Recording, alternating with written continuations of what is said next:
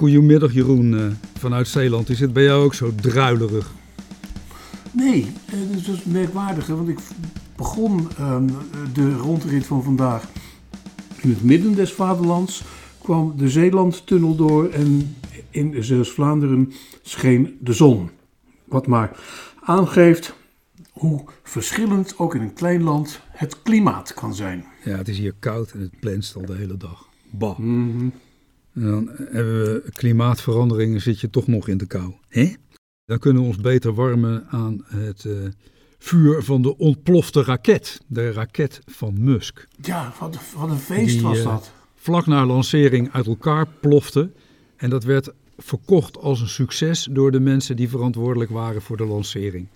Kun je het nog eh, gekker maken? Die raket had 4,5 miljard gekost. Ze waren blijkbaar blij dat eh, er niet de voorgestelde hoeveelheid passagiers in zaten. Want in de toekomst schijnen er 100 mensen per vlucht het heelal in te daveren. En nu waren ze ja, eh, blij met een eh, blijkbaar gecontroleerde mislukking. Zo, zo eh, heb ik het moeten begrijpen. Al begrijp ik er in die kringen niet zoveel van. Ik vond het eerlijk gezegd ehm, eerder eh, weer opnieuw iets grotesks uit de hoed van eh, meneer Musk. Ja, ik vind het toch een heel raar idee hoor. Dat dit soort eh, rijke pooiers naar Mars willen gaan om daar nederzettingen te bouwen, om daar hun vlaggen te planten, om daar de grondstoffen weg te halen.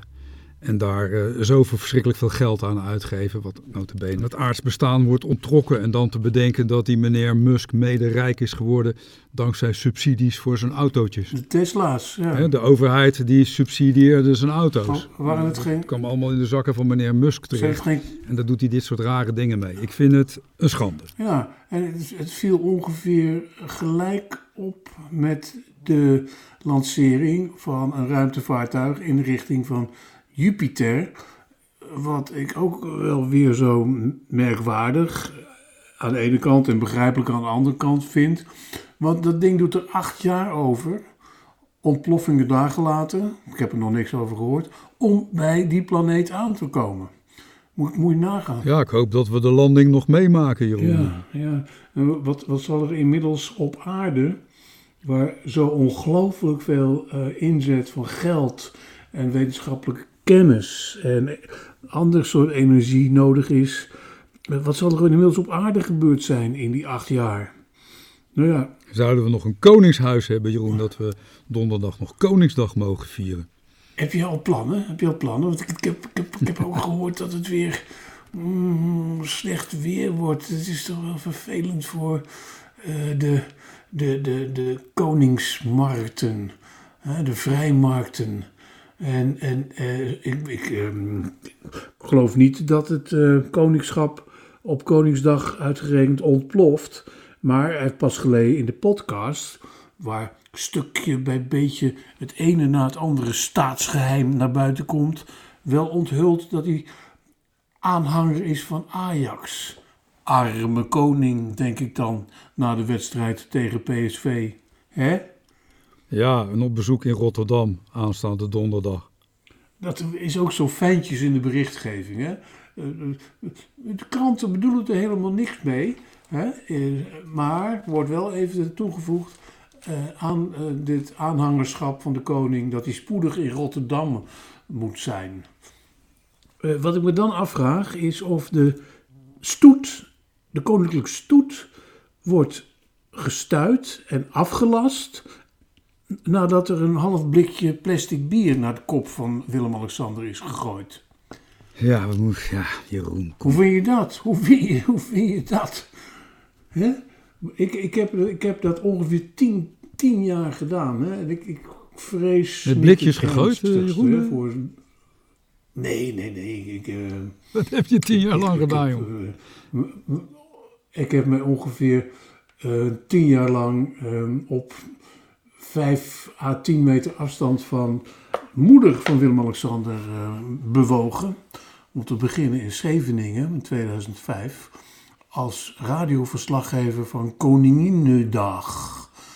dat die merkwaardige folkloristische optocht van ehm, gemengd breien tot paalklimmen voor uh,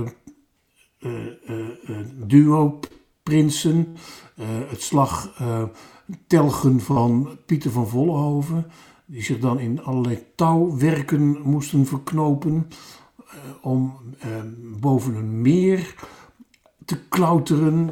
Het, was heel, heel. Willem-Alexander. Ik heb hem nog meegemaakt dat hij in Renen.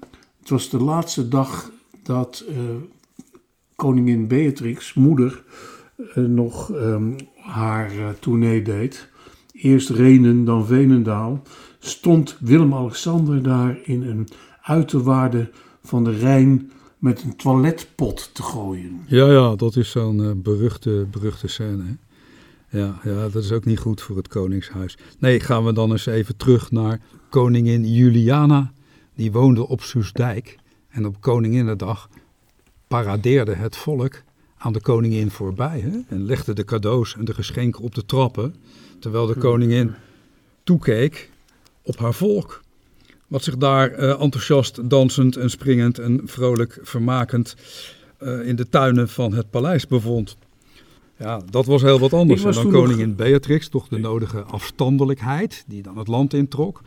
En nu koning Willem-Alexander, die uh, ja, toch steeds geprobeerd wordt om mee te laten doen aan zaklopen, koekhappen en andere flauwekul. En daardoor steeds meer afstand neemt van zijn koninklijke waarde, vind ik.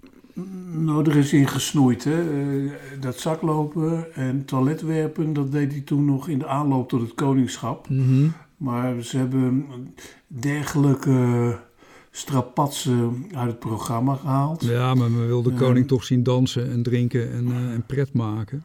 Nou, drinken, dat schijnen ze na afloop van uh, de koninklijke omzwervingen te doen. En Vorst ook. Tijdens de tournees is mij gaandeweg, hoe vaker ik in de buurt van Beatrix rondwandelde, rondwandelde wel duidelijk geworden hoe geraffineerd het allemaal in elkaar zag, zat. Ik was dan op Radio 1 dan ook wel met een redelijke tong- en cheek verslaggeving bezig. Anders dan Soesdijk was het niet een meute die voor de trappen rondliep, maar de koningin en een heel hele gezelschap die naar het volk toe kwamen deze Koninginnedag. Het, het leek wel afgekeken van Veronica. In dit geval, de koningin komt naar je toe. En ze deed dat met een uh, strak geboetseerde glimlach. Willem-Alexander die eh, liep zich in haar voetspoor warm met Maxima. En gaandeweg, na een paar jaar ben ik het op Radio 1 Circus Beatrix gaan noemen. Zonder dat mij uh, dat werd belet om dat te, te vertellen. Maar het was duidelijk onderdeel van de marketing. Het was de best mogelijke manier om het Koningshuis, dat toch wel uh, degelijk aan populariteit aan het inboeten was, toch weer wat terug te winnen voor het publiek. Zij het op één dag. En uh, de uitspraak van prinses Maxima destijds, de Nederlander bestaat niet, werd enigszins gelogenstraft door, viel mij elke keer weer op, op die Koninginnedagen, op die stoet. Die Nederlander bestond wel en die stond met tienduizenden tegelijk achter de dranghekken, vol van devotie. En ze waren er niet op uitgezocht. Nee, dit is een proportie van het land dat vroeger naar Soesdijk ging om krenten mikken en andere cadeaus op de trap te leggen. En nu uitliep naar Woutrichem en naar Makkum en naar Wemeldingen en naar Renen, waar ik overal ben geweest, om een soort van aanhankelijkheid te tonen. Het bestaat wel, Paul. Ja, toch uh, blijkt die waardering voor het Koningshuis uh, sterk afgenomen. Er is nog maar net een meerderheid voor in het land. Ja. En met name onder wat jongere, hogere opgeleidenen. Of dat mag je tegenwoordig geloof ik ook niet meer zeggen, hoger opgeleidenen. Maar hoe heet het? Uh, theoretisch gescholden mm. heet dat dan, hè? Wij moeten op onze taal letten, schijnt uh, de waardering voor de koning laag te zijn. En dat verbaast me eigenlijk ook niet op het moment dat de koning niet meer wordt aangesproken op zijn koninklijke staatsrechtelijke taken, maar vooral op het zijn van ja, wat, een soort bekende Nederlander. Ja, nou ja, wat dat betreft gaat hij natuurlijk ook op zijn manier mee met de tijd. Ik had het net over het marketingapparaat achter het Koningshuis. Ja, maar is dat goed? Is dat, is dat wenselijk? Als je een koningshuis wil behouden, is dat misschien wel onwenselijk. Is het misschien wel verstandig dat er een grotere distantie blijft? De koning is nog steeds degene die de troonrede voorleest. De koning is de voorzitter van de Raad van mm. State, een belangrijke functie. Helaas heeft de koning, vind ik dan, hè, geen rol meer in de kabinetsformaties. Dat is natuurlijk een enorme aderlating voor zijn, uh, zijn koninklijke status geweest. Maar ja, wat blijft er over? En hij wordt steeds aangesproken op uh, kleine schandaaltjes, vergissingen, uh, domme dingen die hij ook heeft gedaan. Met name in de coronatijd, vakanties die hij niet zo goed aankwamen, niet zo slim nou, waren dat beaamt, hij dan, dat beaamt hij dan ook grootmoedig en uh, dat, dat, dat, betoont hij zijn spijt over. Daar had hij voor behoed moeten worden. Daar had hij voor behoed moeten worden door een minister-president, door de, de Rijksvoorlichtingsdienst. Eh, dat, dat, en dat, dat, ja, dat past ook niet bij die waardigheid die ik graag zou zien. Ja. De koning, we hebben het straks over Willem-Alexander, zijn de majesteit de koning, weet je dan, dan heeft hij een positie als staande boven de partijen. Hoor ik nou een pleidooi, uh, hoor ik nou een pleidooi houden voor behoud van het koningschap? Ja, ja, ja. Ja, mits, mits uh, uh, het, het ook een, een, waardige functie blijft. Een, een functie blijft die mensen verenigt. Maar dan heb je toch wel een steun nodig van de bevolking van tenminste, denk ik, 75 tot 80 procent. En als het eh, zo laag wordt zoals nu, ja, dan uh, maakt het Koningshuis zich zelf overbodig. Nou ja, er zijn natuurlijk mensen in Nederland die uh, dat graag zien gebeuren. Aan de andere kant is er enige waardering voor die podcastreeks die hij nu maakt. Niet met een Paul Witteman of een Jeroen Pauw of een Wilfried de Jong. Nee, met Edwin Evers, een gelouterde DJ. Ja, nou ja, dat is, dat is niet iets wat mij dan aanspreekt. Ik, ik kan je ook vertellen waarom ik vind dat het Koningshuis op zich een, een waarde heeft. Want heb je een president, dan is het weer politiek. Hè? Die moeten we weer kiezen met verkiezingscampagnes. En je weet wat er van, van alle beloften terechtkomen. Dan wordt het weer een partijman. En het mooie van het Koningshuis is, we hebben een staatshoofd dat zich boven de partijen stelt. En dat, dat hoeft zich niet per se uh, te, te verdragen met uh, populaire acties zoals uh, met DJ's praten in podcast en praten over al je voorliefdes en persoonlijke dingen. dan dan hoor je er te zijn als staatshoofd. Nou ja, het is wel de geest van de tijd. En daar zullen ze bij de Rijksvoorlichtingsdienst toch ook wel goed over hebben nagedacht. Bij de keuze voor Edwin Evers en voor het fenomeen podcast. is, ja, maar Jeroen, het werkt niet als de koning zoveel uh, steun verliest onder de bevolking, dan, dan, dan is het niet goed. Dat is mijn, mijn visie erop hoor. Nou ja, ik, ik, weet niet. Hij, relativeert het zelf door uh, te zeggen dat uh, het wel aan, aangeeft hoe goed er wordt onderzocht. Het zou anders zijn als uit onderzoek zou blijken dat zijn populariteit, populariteit sterk is gestegen. Dus de, daarmee brengt hij het ook op het niveau van ehm, um, onderzoeken naar de populariteit van het kabinet. Nou ja, dan zit hij blijkbaar ongeveer op dezelfde hoogte. En ik vind dat ook wel een teken van de tijd. Uh, dus het is ja, maar de tekenen van de tijd zijn toch niet altijd fijn of goed. Ik heb het daar wel eens eerder over gehad. Naar aanleiding van de minister van Landbouw, hè, zeg maar Piet, ja. kwam van de week weer zoiets tegen. Ja. Wiersma, hè, Wiersma, staatssecretaris onderwijs, die Minister zelfs. nogal hard kon uh, uithalen naar zijn ambtenaren. Ja. En uh, wat zegt hij? Wat, wat, lees ik dan in, in, in, de, denk in, de, in de NRC of de Volkskrant? Hij zegt: Ik vind het heel erg dat ambtenaren mij niet durven te zeggen wat ze willen. En dat mijn woorden soms harder aankomen dan wat ik gewend was. En dan zegt hij daarachter: Gewoon als Dennis. Ja, Dennis Wiersma. Maar het is geen Dennis, Het is zijn excellentie, het is de minister. Ja, nou ja, dan moet je zich... Zeg maar Piet, nee, het is geen privépersoon die vindt wat er, uh, wat er gebeuren moet. Het is een minister. Het is een minister die compromissen moet sluiten, mm. die wetten moet uitvoeren. Soms kan het zijn dat hij daar persoonlijk niet helemaal 100% achter staat. Maar hij is wel de minister. Hij vertegenwoordigt de staat. Dus het maakt niet uit hoe hij heet. En nee, het, maar het is moet onzin om te zeggen, ja, ik was dat uh, gewend als Dennis. Maar hij is geen Dennis. In deze functie is hij gewoon een officiële man, een official. En in die functie moet hij zich ook als een excellentie gedragen. En zo wil ik de koning ook zien. Nee, maar zo, in die functie moet Dennis zich ook als een excellentie gedragen. Zo, Precies. Zo niet, en dat blijkt wel, over, geslagen, over uh, slaan met deuren en verwensingen en gevloek gesproken, is die in de stress blijkbaar niet zo beheerst als een excellentie. Laat staan dat hij, dat hij excellent is. En uh, er zijn bij uh, omroepen mensen voor minder gesneuveld de laatste tijd. Dus, ja, we hebben mevrouw Ariep gehad, hè, die, die dezelfde verwijten. Mm. Mm. Ik vind het in zo'n geval ook wel eens interessant om te weten, waar ging het nou eigenlijk om? En er wordt gezegd, het is een hele goede eh, minister. Het is iemand die ambitieus is, gedrevenheid, dingen voor elkaar wil krijgen, veel eisend is geweest.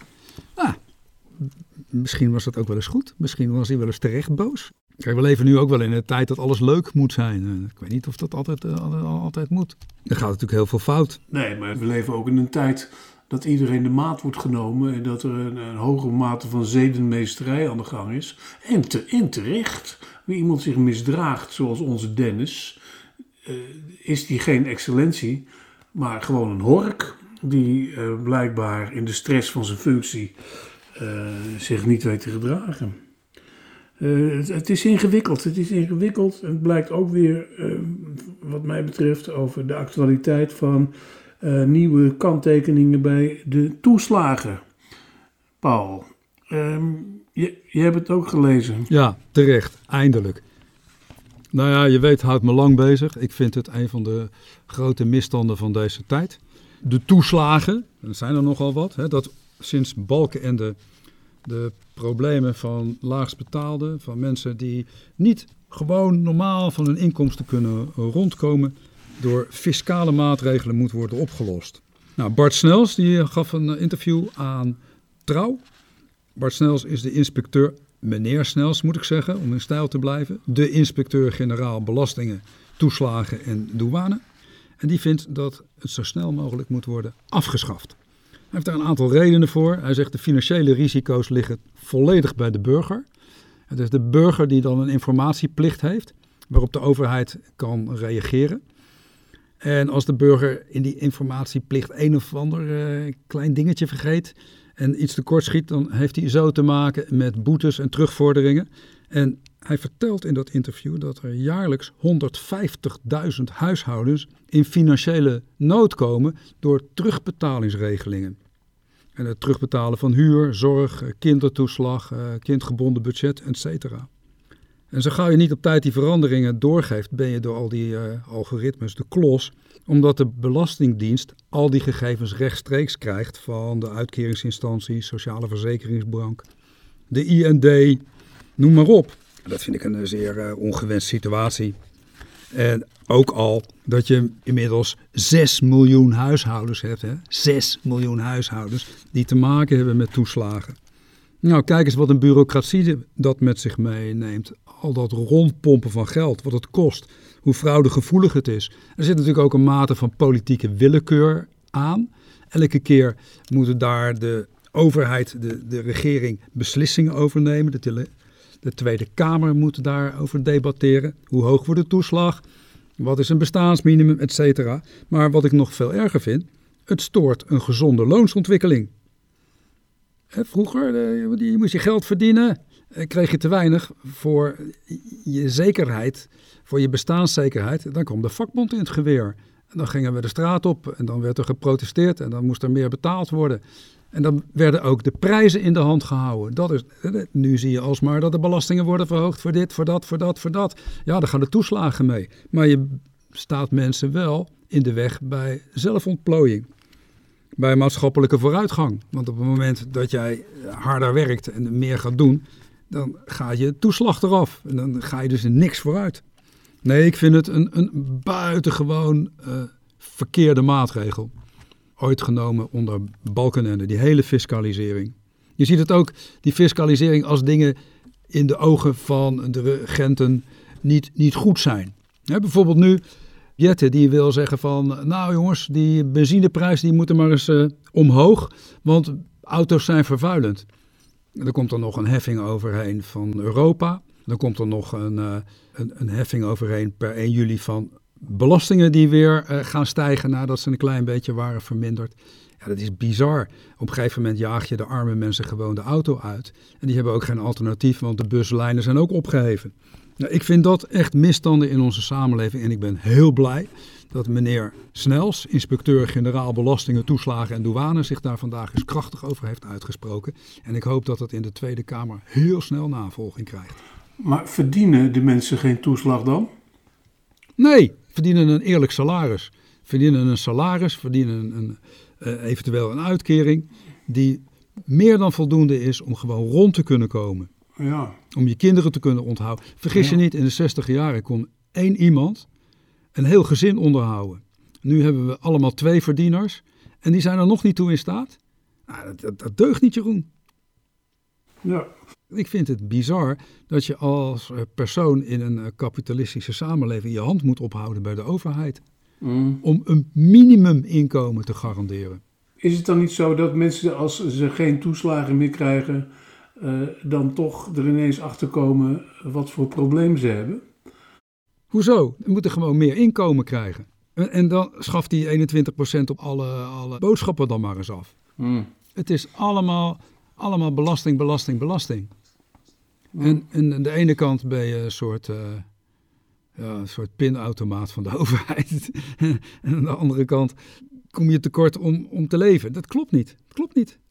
En ik vind uh, uh, ook de fraudegevoeligheid, alle mensen die er de dupe van zijn, ik vind het niet deugen.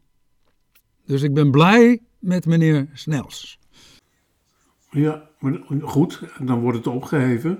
Maar dan is er dus ook weer een hele stevige maatregel nodig om het voor de getroffen groepen uh, toch aantrekkelijk te maken.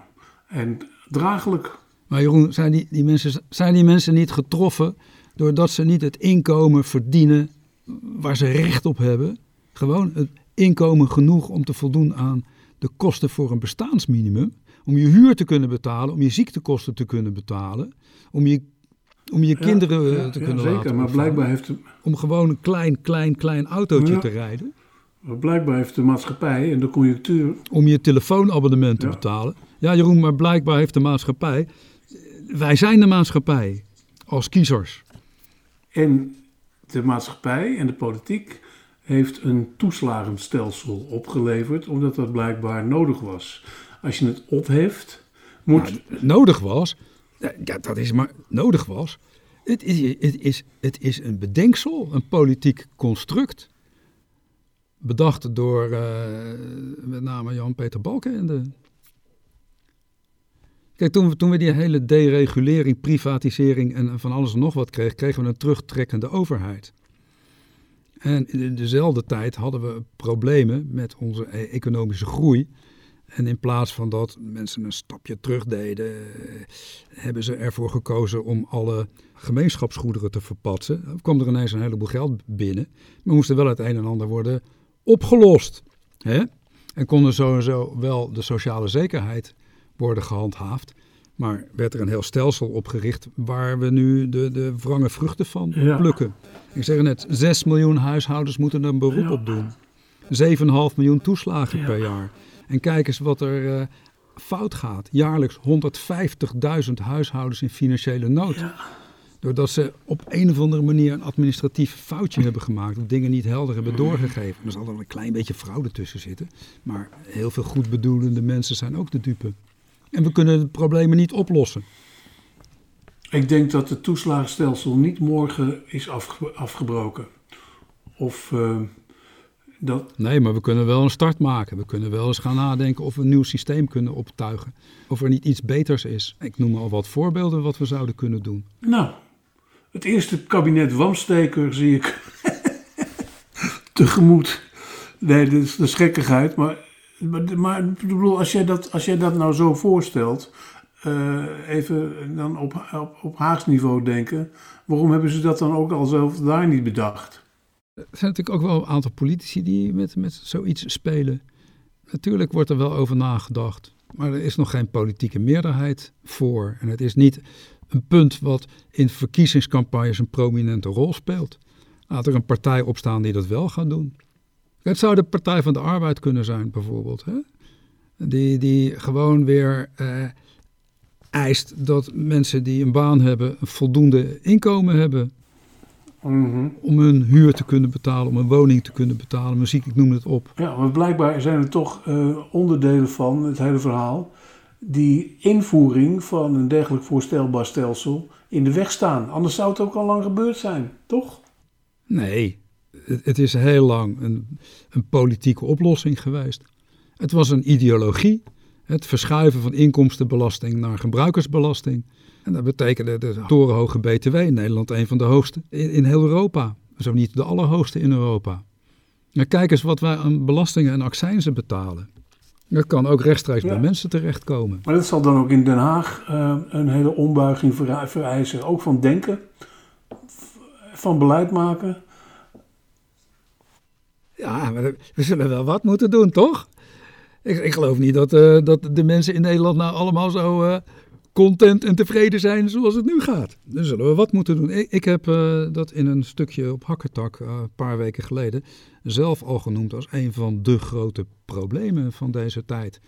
De, de, de privatisering, de deregulering, de, de vercommercialisering en aan de andere kant het hele toeslagenpakket. Ik zie dat als eh, een grondoorzaak voor heel veel problemen in het land. En heel veel onvrede. Waarbij mensen de regie over hun eigen leven wordt ontnomen. Die ze ook niet zomaar terugkrijgen. Want het wordt alleen maar ingewikkelder gemaakt. Je bent een zwartdenker, Jeroen. Je bent een doemdenker, jongen. je bent gewoon, ga je denken van, god, we gaan het eens anders doen. Hè? Wij zijn uit de 70 jaren, gingen we de straat voorop voor al dat soort dingen. Protesteren. We willen het anders. Ja, precies, precies. En dat wilden ze ook even. eh, dat is nog een, ook wel een actueel punt.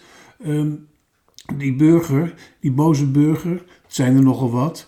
Al zijn ze niet zo eh, boos als eh, de klandizie, het publiek van Ongehoord Nederland, toch?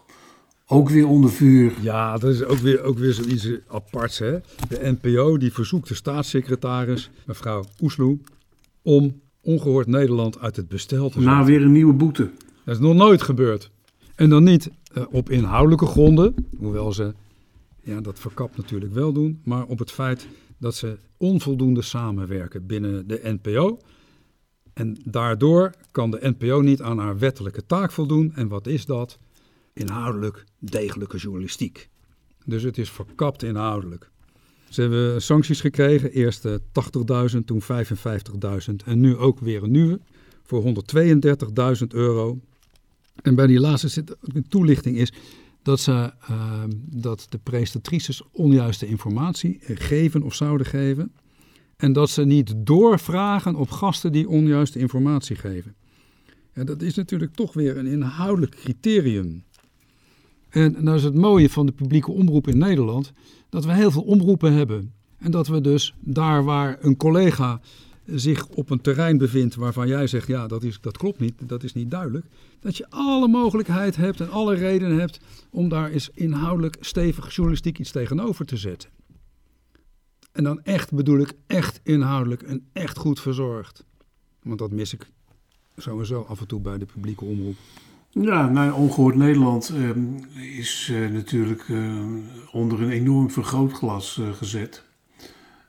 Die kwamen al als rebels binnen, maar blijken steeds meer een rabiaat, rechtsradicale toon en onderwerpkeuze te verspreiden, te distribueren, waarin Mhm. de door jou terecht aangestipte methodiek van doorvragen en waarheidsvinding eh, terzijde wordt gelegd Omdat het hun waarheid is die moet worden uitgezonden. Maar zijn ze daar uniek in binnen de publieke omroep? Nee, maar Ik kan me af en toe best wel verbazen bij sommige vraaggesprekken. ik heb. eh, Dan denk ik, en dan, dan wordt het inhoudelijk degelijk. Hè? Dus bijvoorbeeld bij, eh, bij, die latere talkshows. En dan, eh, dan komt er een stukje amusement of wordt het een heel ander verhaal. Ik, ik, ik weet niet, worden wij zo goed geïnformeerd op dit moment? Is er voldoende tegenwicht? VPRO doet dat soms heel aardig. Maar ik zie, ik zie het ook bij een omroep als Max niet eh, terug. En als je s'avonds de televisie aanzet, het is een en al jolijt en pret. En eh, familieprogramma's. En dan is er een, een omroep die zich heel erg profileert op een geluid waarvan ik denk van ja, dat eh, vereist de nodige correctie of het nodige weerwoord. Dan zijn er heel veel omroepen die dat weer, weerwoord kunnen geven. Dan zou je kunnen zeggen, oké, deze omroep zet aan tot eh, haat. Deze omroep verdraait feiten. Dan ga je naar de rechter. Ik vind dat echt iets voor de rechtspraak en niet voor de politiek. En ik verbaas me er dan bijvoorbeeld over dat iemand van D66 uit de Tweede Kamer, Sjoerd Sjoerdsma, of iemand van de Partij van de Arbeid, zich dan meteen achter het idee zette dat de omroep Ongehoord Nederland maar uit het bestel moet. Nee, zijn inhoud moet worden aangepakt. Vorige week hadden we het over die waarschuwing van eh, de AIVD, hè? over het extreemrechtse geluid. Eh, Dat dat via Ja. sluipende wegen Nederland in, in kruipt. Nou, dit is geen sluipweg, maar dit is een openbare weg. En dan misschien is het dan wel een snelweg. Maar daar kun je de, de, de blokkades stevig neerzetten. Daar kun je journalistiek tegenwicht geven. Dat is aan de oppervlakte. Dat is helder en duidelijk. Dat vindt niet plaats op eh, schimmige kanaaltjes. nee. We moeten dan regels en wetten maken waarbij je eh, overtredingen van eh, journalistieke codes, erecodes, eventueel kunt aanpakken. Vroeger had je de Raad van Journalistiek, wat dan ook. Maar niet dat je zegt als collega omroepen, ja, deze mensen brengen een geluid dat ons niet, eh, niet aanstaat. Al of niet terecht. Maar staatssecretaris eruit. En de staatssecretaris heeft dan maar één mogelijkheid om te beslissen. Nou, ze mogen wat mij betreft blijven. Eh, nee, ze moeten eruit. En daarmee committeert ze zich aan de inhoud van de programma's van zo'n omroep. Ja, ik vind dat dat niet, eh, niet past. Dat past niet bij een staat. Nee, ik heb al eerder gezegd, ook in een vorige podcast, dat ehm, Ongehoord Nederland in die zin eh, niet essentieel is, maar wel een orgaan dat aangeeft wat voor ideeën er in een deel van de samenleving bestaan. Maar er is natuurlijk ook wel enige reden om eh, andermaal, gelet op die boetes, ehm, hen te wijzen op bepaalde journalistieke gedragscodes. En Ja, maar wie wordt- moet ze daarop wijzen? Ik vind dat ook hoor. Je moet me niet misverstaan. Ik vind sommige van hun uitzendingen. Ik zou eh, graag wat weerwoord geven af en toe. Of een andere kant belichten. Of eh, de, de, het, het, het falen van, van hun gesprekspartners eh, duiden. Maar dat is een journalistieke taak. Of dat is eventueel een taak van een rechter. Maar dat is toch niet de taak van de politiek? De, de grondwet staat toe het recht van openbaring, hè, van openbaarmaking van, van ideeën, gedachten. En dat is wat, wij, wij Ja. hebben het altijd over eh, de, de vrijheid van meningsuiting, maar in de grondwet heet dat vrijheid van openbaarmaking. NPO, pa- bepaalde NPO, Nederlandse publieke omroep, het zegt het al. En ehm, ik heb er jarenlang in gewerkt. Is hoe dan ook, ook gelet op de belastingbetaler die eraan meedoet. NPO is hoe dan ook deels onderdeel van een staatsbestel. Ja, maar dat is het geworden. Had je kijk- en luistergeld. En dat was ervoor bedoeld, dat werd rechtstreeks van de mensen gevraagd. Dat was, was niet via de belastingen, dat ging niet via de algemene middelen. Dus dat, dat kon ook niet zeggen van, eh, u moet een boete betalen. Hè. Dat kwam rechtstreeks aan die omroepen tegemoet. En dat was om onafhankelijk te kunnen bericht geven van adverteerders en politieke belangen. En die onafhankelijkheid, ja, die, die, die werd, er werd gezworen door de politici toen ze de, het kijk- en luistergeld zouden afschaffen, dat dat nooit het geval zou zijn dat het in het geding kwam op het moment eh, dat het uit de algemene middelen zou worden betaald. Hè. Die mediawet werd ook geschreven. Nou, er is absoluut geen, uh, geen overheidsbemoeienis. Maar dit moment lijkt die er dan wel te komen. Ik vind het principieel onjuist. Maar ook wat ik net zei, dus zo'n staatssecretaris, die moet dan een discretionaire beslissing nemen. En dan zeggen, nou, u mag blijven. Maar dat, dat is raar, want daarmee geeft je dus impliciet aan dat zij zich niet stoort aan dat gedachtegoed, dat zij zich niet stoort aan die journalistiek. Nee, dat kan niet. Dat kan geen politieke beslissing zijn. Dus ik vind dit echt heel erg verkeerd. En ik hoop dat hier een uh, goed debat uh, over komt in de Tweede Kamer. En dat de minister deze discretionaire bevoegdheid wordt ontnomen. Blijkbaar heeft zij, uh, hoe dan ook, wel enige bevoegdheid en zeggenschap hierover. Ja, die heeft ze ook. Die heeft ze ook. Die heeft ze zeker. Maar zij kan maar twee beslissingen nemen. En ik vind dat als, als, ik vind dat als een omroep uh, herhaaldelijk over de schreef gaat en bepaalde journalistieke codes overtreedt en daar zo openlijk maling aan heeft. Wie bepaalt dat? Moet dat niet een rechter zijn? Nou zeg, ja, maar dan hebben ze toch binnen de NPO met z'n allen toch ook wel uh, zekere zeggenschap over. Van de, dat dingen te ver gaan. Dat hoeft toch niet altijd via het Hof. Maar in de tijd toen we de, de Fred Haché show hadden en de Barendse Vet show en noem alles maar op. Toen hadden, waren de collega-omroepen waren erg boos. Je hoefde de, de, columns van de omroepvoorzitters van de andere omroepen maar te lezen. En die spraken er allemaal schande van. Ja, maar ik kan Barendse Vet en Fred Haché moeilijk scharen onder de noemer journalistiek. Dat was eh, volgens de door jou genoemde omroepvoorzitters meer uh, het onderdeel onderbroekenlol en platheid. Ja. En wat Ongehoord Nederland doet, is ook zo plat als het maar kan. Ik wil het echt, echt loszien van, van inhoudelijke opvattingen. Want ik kan mij inhoudelijk niet vinden in de in, in, in die sfeer van de meeste, en de woorden van de meeste gasten die je ziet bij Ongehoord Nederland. Maar dan nog vind ik dat het niet aan een minister is, dat het geen politieke beslissing mag zijn. We hebben een, een, een ledenbestel en we hebben, dan moet je dan echt, echt iets gaan doen aan de, aan de publieke omroep als zodanig. Dan moet je zeggen van oké, we gaan de publieke omroep zodanig hervormen dat we dat journalistiek anders gaan regelen.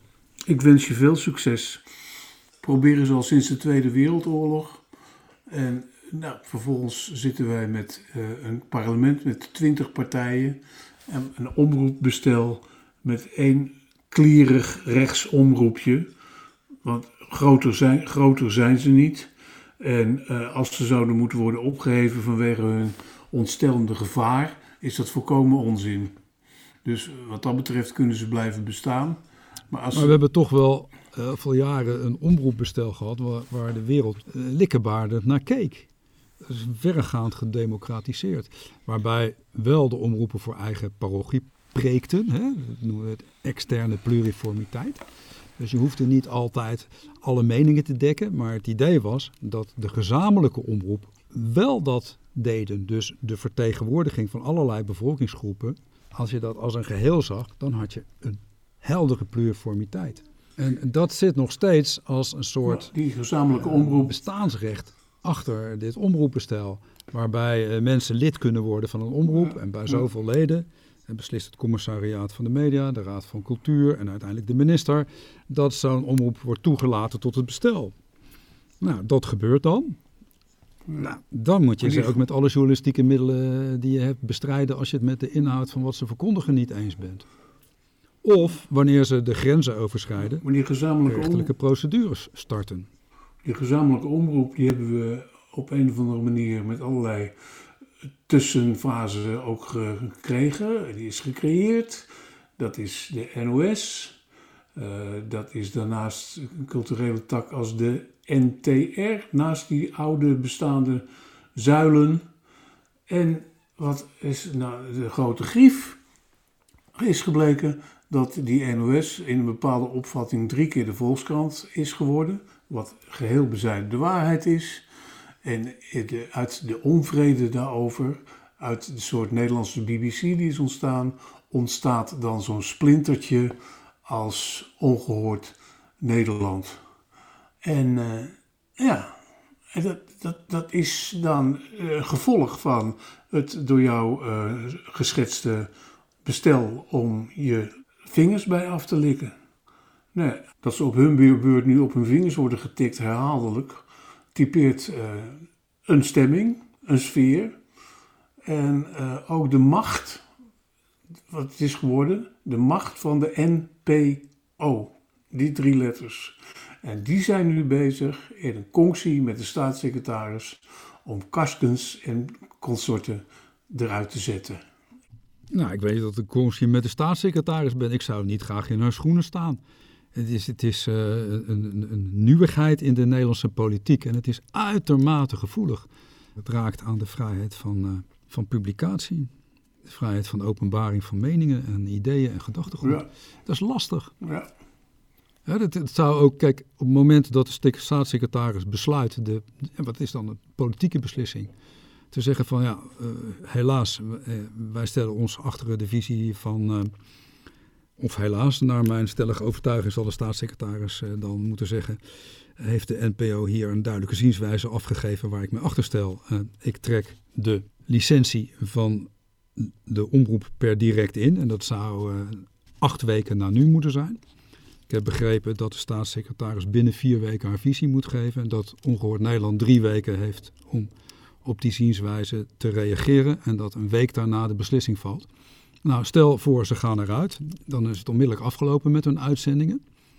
Moeten ze ook nog al die boetes betalen. Maar dan volgt natuurlijk een hele lange rechtsgang. Eerst naar de Nederlandse rechter en uiteindelijk denk ik naar het uh, Europese Hof van de Rechten van de Mens. En dat kan nog jaren duren. En daarmee speelt Nederland zich denk ik niet in, de, in een gunstige kijker. Ja, ja. Ik uh, vind het een, uh, een, een, hele bijzondere zaak om nauwkeurig te volgen. En ik vind het jammer dat dit niet uh, journalistieker wordt opgelost door gewoon collega-omroepen maar eens een keer dan flink te laten uithalen naar alle misinformatie die verspreid wordt. Collega-omroepen zijn achter de schermen in de NPO samen bezig om ongehoord Nederland de nek om te draaien. Dat verzeker ik ja. Dat denk ik ook. Niet oké. Tot de volgende keer. Ja, hoi.